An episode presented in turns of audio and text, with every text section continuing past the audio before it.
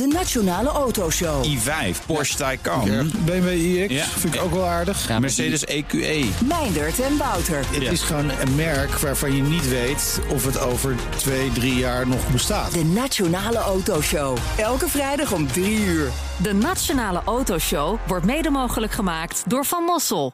Van Mossel, voor mobiliteit voor iedereen.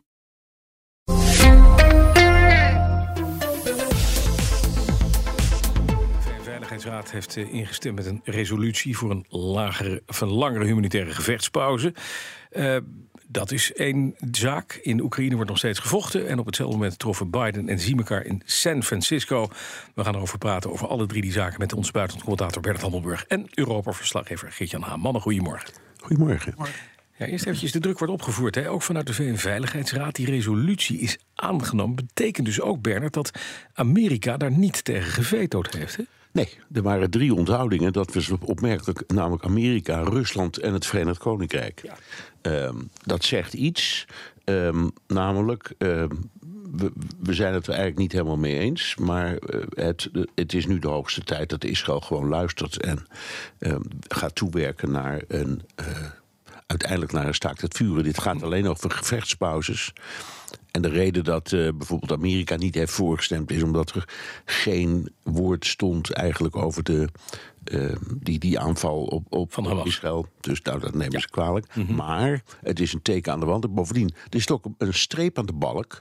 Want ik, ik, ik heb zitten pijnzen. Het is een tijd geleden zeg dat de Veiligheidsraad gezamenlijk een, eh, ja, een resolutie heeft aangenomen. Dus dat is zelf een doorbraak. En dat het in dit onderwerp gebeurt, is ook wel een teken aan de wand. Ja. Want voor mij is het eigenlijk het belangrijkste signaal... dat de Amerikanen zeggen, het is zo langzamerhand mooi geweest daar. Ja, ja, alleen Netanyahu die doet er helemaal niks mee. Die ziet het Nee. tegen aan de wand en die denkt van lekker laten hangen. Klaar. Ja, dat kan, dat is waar. Eh, kijk, je, je- weet, zo'n resolutie van de Veiligheidsraad is het enige eh, middel, internationale middel. Eh, dat de wereld heeft om, eh, nou ja, iets, iets, iets te veroordelen. Dat heeft de Ja. kracht van Ja, wet. Ja. Dus het is verplicht voor alle leden om zich houd- te houden aan uitspraken. Maar het gebeurt vaak niet. En de, de, de Israëliërs hebben gezegd: ja, dit gaan we, sorry, dit gaan we niet doen. Ehm, maar ook zij zullen, zullen weten dat het niet zozeer gaat om de inhoud van die tekst. Maar het feit dat de Veiligheidsraad nu niet een resolutie heeft verworpen die over deze kwestie gaat. Dus dit is denk ik een keerpunt in, wat, in, in die strijd. Ja, na- naar het andere. Want in die strijd is met name, hè, dat zien we ook nu, het, IDF heeft eh, dat, die inval gedaan omstreden in het Al-Shifa ziekenhuis in Gaza. Met het verhaal, er zit een commandocentrum, het commandocentrum van Hamas, onder dat hospitaal. Is nog geen tunnel gevonden en ze hebben drie geweren gevonden, geloof ik. Nou, ik, de beelden die ik heb gezien is wel wat meer dan drie geweer hoor. Dat is echt wel een voorraadkamer met behoorlijk wat eh, eh, eh, Wapentuig. ja, wapentuig. Ehm, ik weet het niet, net als je, we weten het gewoon niet. wat, wat, zich echt, of, wat er echt voorkomt. Er is één ding wat mij opvalt in deze zaak. En dat is de- dat de Amerikanen zeggen: wij geloven het, dit verhaal. Eh, het is inderdaad zo dat er een commandocentrum onder dat ziekenhuis zit of zat. En het heeft ook, ehm, ja, de manier waarop de Israëliërs het hebben gedaan is ook wel heel apart. Want ze hebben dus niet alleen die kelder u- uitgeruimd, zou ik maar zeggen. maar ze zijn ook naar boven gegaan. Ze hadden, ze hadden verpleegkundigen en artsen en weet ik wat allemaal bij zich. En zelfs apparatuur om couveuses eh, opnieuw te starten. Ja. Dus ehm, ik, ik heb de indruk dat, eh, ondanks al het. ehm, nou ja, gekrakeel hierover. Ja. Mijn indruk is dat het verhaal klopt. We gaan naar het andere diplomatiek toneel. Geert-Jan, want Duitsland is bezig met wat er na de oorlog moet gebeuren in Gaza. Ja, klopt Bas. Eh, allereerst eh, heb ik wel Duitse vrienden gesproken die zeiden gelukkig zit Duitsland niet in de Veiligheidsraad en hoefden ze gisteren niet te stemmen. Want dat hadden ze erg ingewikkeld gevonden ehm, om over die uitkomst van vannacht ook eh, te oordelen. Je weet hoe Duitsland in zijn maag zit met eh, deze oorlog vanwege de geschiedenis. En daarom is ehm, een non-paper, zoals dat heet, dat naar buiten is gekomen eh, via Politico. Eh, daarom ligt dat ook best wel gevoelig. Want wat zegt Duitsland in een voorstel, dat al dateert trouwens van 21 oktober, dus toen was eh, de oorlog twee weken onderweg.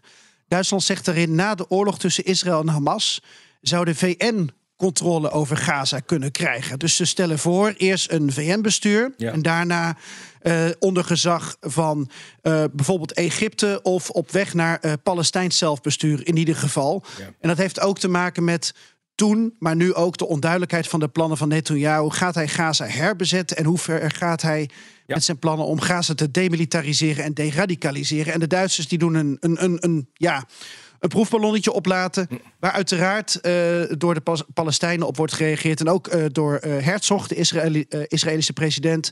Die zegt dat het allemaal ehm, ja, eh, eh, niet, niet het beste voorstel is. Laat ik het daarop houden. Oké. Bernard, is dat, een, is dat een, een voorstel wat misschien wel beter is? Hè? Jij zegt altijd van if you break it, you own it. Eh, dat is ook wat Amerikanen eh, zeggen en wat Netanyahu ook zeer goed beseft.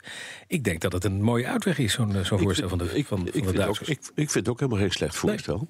Ehm, het, het probleem is, ja, hoe en wat precies. Ja. Dat, dat het vanuit de VN zal komen, die kans is niet zo groot. Nee. Omdat er allerlei tegenstand is. Maar er, is, er zijn voorstellen gedaan. Eh, bijvoorbeeld Robert Serri, de, de, de Nederlandse diplomaat... eh, die heel lang in die regio heeft gewerkt als eh, VN-gezant... die zegt, je zou bijvoorbeeld...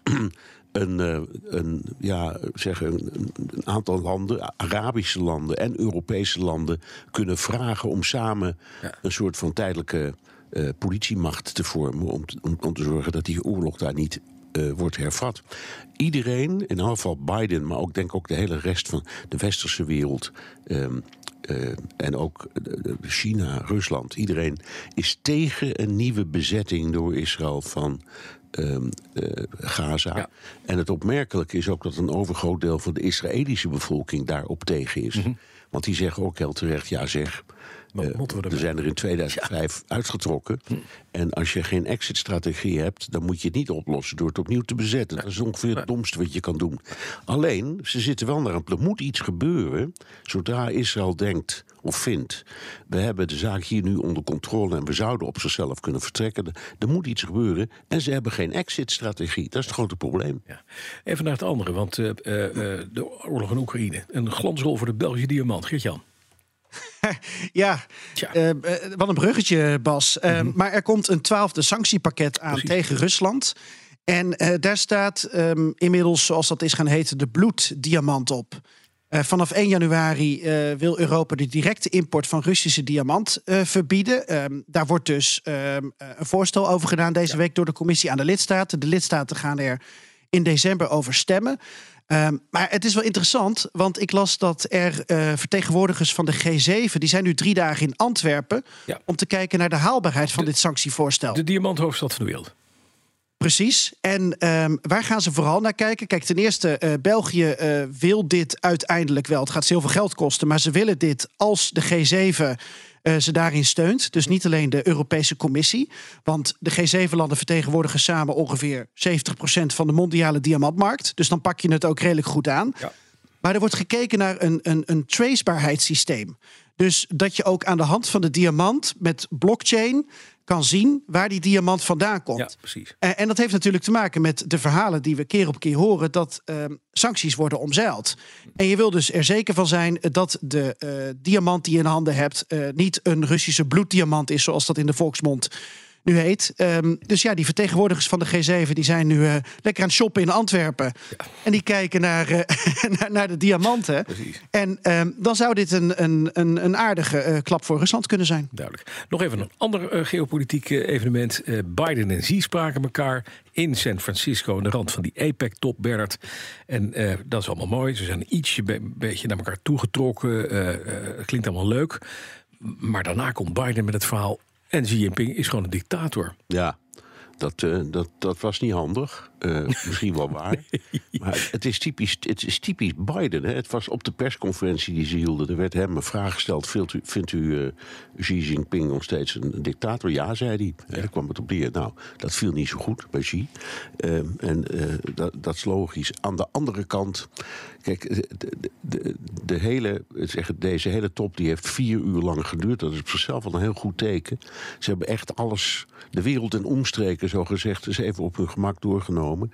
En er zijn toch wel belangrijke dingen uitgekomen. Bijvoorbeeld een Chinese toezegging. Dat is voor de Amerikanen super belangrijk om mee te werken aan het stoppen van de grondstoffen van eh, eh, export van grondstoffen voor fentanyl. Hè. Dat is dat, dat druk dat in Amerika zo enorme Ja, ja. aan, aan eh, richt. En wat de Amerikanen ook heel graag wilden, het herstel van ehm, de, het rechtstreekse telefoonverbinding, hè, de, de noodlijn ehm, o- voor, eh, tussen de ministeries van Defensie. Die lag stil nadat, eh, na de ruzie die is ontstaan is door dat eh, bezoek van eh, Nancy Pelosi destijds.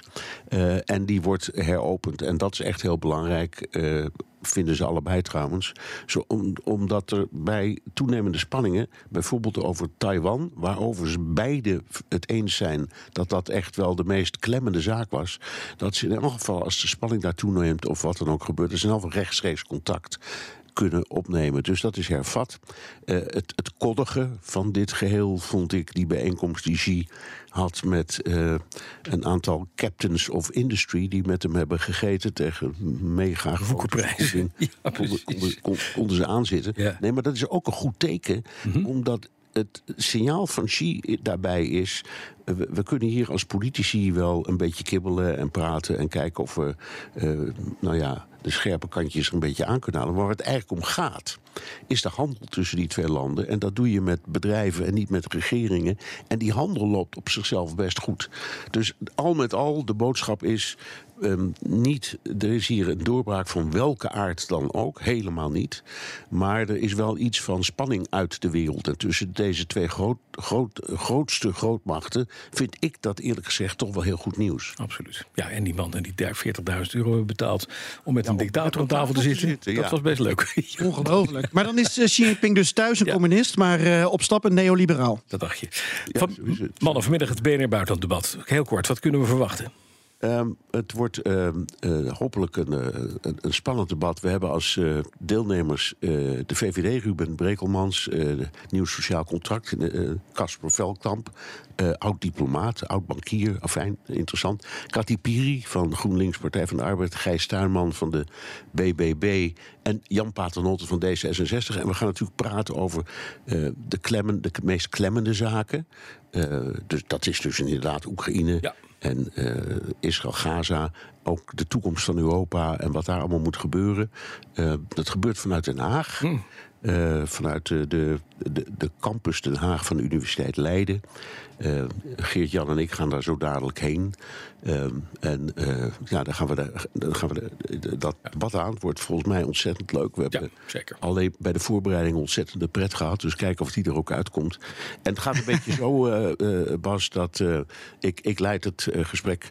eh, maar ik leun zwaar op eh Geert-Jan, zoals altijd. Want die komt met de briljante onderwerpen. Dus blijf luisteren. Oh jee. Heel benieuwd. Oh jee. Het mooiste is... Eh, dit deel had ik gemist, Bernard, van de voorbereiding. Ja, nou, maar dan weet je dat nu.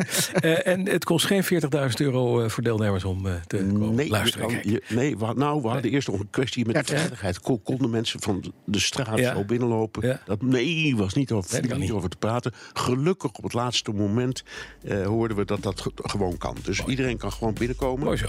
Ja, en we, we hopen een hoop Nou. publiek te zien. Dankjewel, Bernard Hammelburg en eh Geert-Jan Haan. Dus vanmiddag in het buitenlanddebat. Hier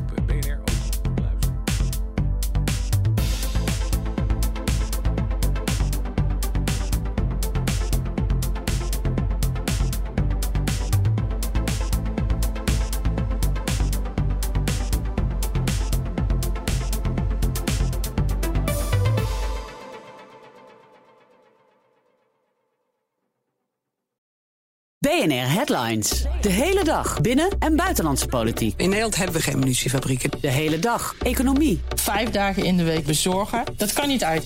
De hele dag technologie. Amerikanen weer op de maan. Heb je eigenlijk geen tijd, maar wil je toch op de hoogte blijven? BNR Headlines. Het laatste nieuws, maar dan in het kort. Ga naar je podcast-app en abonneer je op BNR Headlines.